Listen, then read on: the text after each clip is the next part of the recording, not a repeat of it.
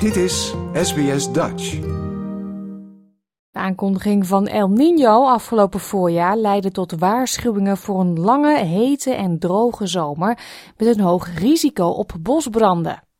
The Bureau is today declaring that an El Nino event is underway in the Pacific Ocean. Those conditions are associated or accompanied by an increase in fire danger and extreme heat risk. Dat was Dr. Carl Braganza van het Bureau of Meteorology in september. Met het gegeven dat we te maken zouden krijgen met El Niño werd er door het bureau rekening gehouden met een periode van extreme hitte en bosbranden in veel delen van Zuid-Queensland en New South Wales, evenals in het westen en de top end, in de periode tussen oktober en april. Maar in plaats van droogte kregen we te maken met een recordbrekende regenval.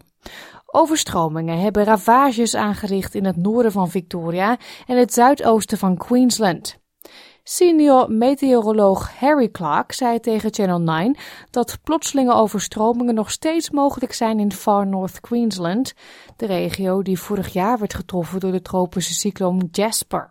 We could see rainfall totals in the order of 50 to 150 millimetres across parts of the North Tropical Coast over the next 24 to 48 hours. We do see the risk of flash flooding. So there's smaller creeks and streams that are around uh, far northern Queensland, given the recent wet conditions, could rise quite quickly with any heavy rainfall.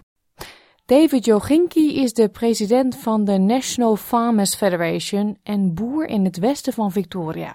Far North Yeah. Queensland isn't enjoying what's going on up there at all. But if you take yourself out of those extreme areas and go back to some more uh, southern areas, the the amount of grass that's now growing for livestock producers is is fantastic. Hij zegt dat de warme, natte omstandigheden zorgen voor andere uitdagingen in de vorm van woekerend onkruid en pest. En door zich voor te bereiden op droogte hebben sommige boeren de kans gemist om van de regen te profiteren. So you talk to a lot of farmers, and they they tell stories about how they're seeing things that they've never seen before, or um, the environment's not working the way that um, it traditionally would. And it's that variability, I guess, that we find it hard to manage. Andrew King is hoofddocent klimaatwetenschappen aan de Universiteit van Melbourne. De reden waarom er zo'n groot verschil is tussen de weersvoorspellingen en de daadwerkelijke weersomstandigheden is volgens hem dat het El Niño-fenomeen eerder duidt op een droge lente dan op een droge zomer. En dat is wel uitgekomen. Part of the reason is because we've got quite warm seas to to the east of Australia. The Tasman Sea is really unusually warm at the moment. And we've got uh, what's called a positive southern annular mode, which means that we have um, more winds from the east kind of crossing the coast, the, the east coast of Australia. And that's, that promotes kind of wetter than normal conditions as well. Atmosferisch onderzoeker Dr. Martin Jucker van de Universiteit van New South Wales gelooft dat een andere ongebruikelijke factor de zomer in Australië beïnvloedt. In januari 2022 barstte namelijk de onderwatervulkaan Hunga Tunga Hunga Haupai uit in Tonga, de grootste uitbarsting sinds Krakatoa 140 jaar geleden.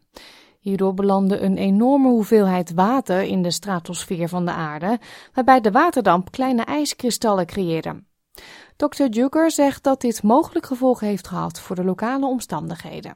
usually with the El Nino that we have, we would expect hot and dry conditions which come with a negative phase of the southern annular mode.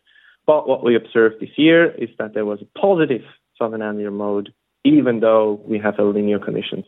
There's been volcanoes all the time, but this one is just really, really special because of this water vapor, and we don't know of any other eruption ever where a similar thing happened.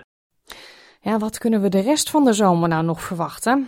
Andrew King zegt dat er nog meer hoge temperaturen worden verwacht. Actually, in the year subsequent to an El Nino event, we normally see w- globally average temperatures being particularly warm. But yeah, there's still quite a reasonably high chance of having record high temperatures globally averaged for 2024.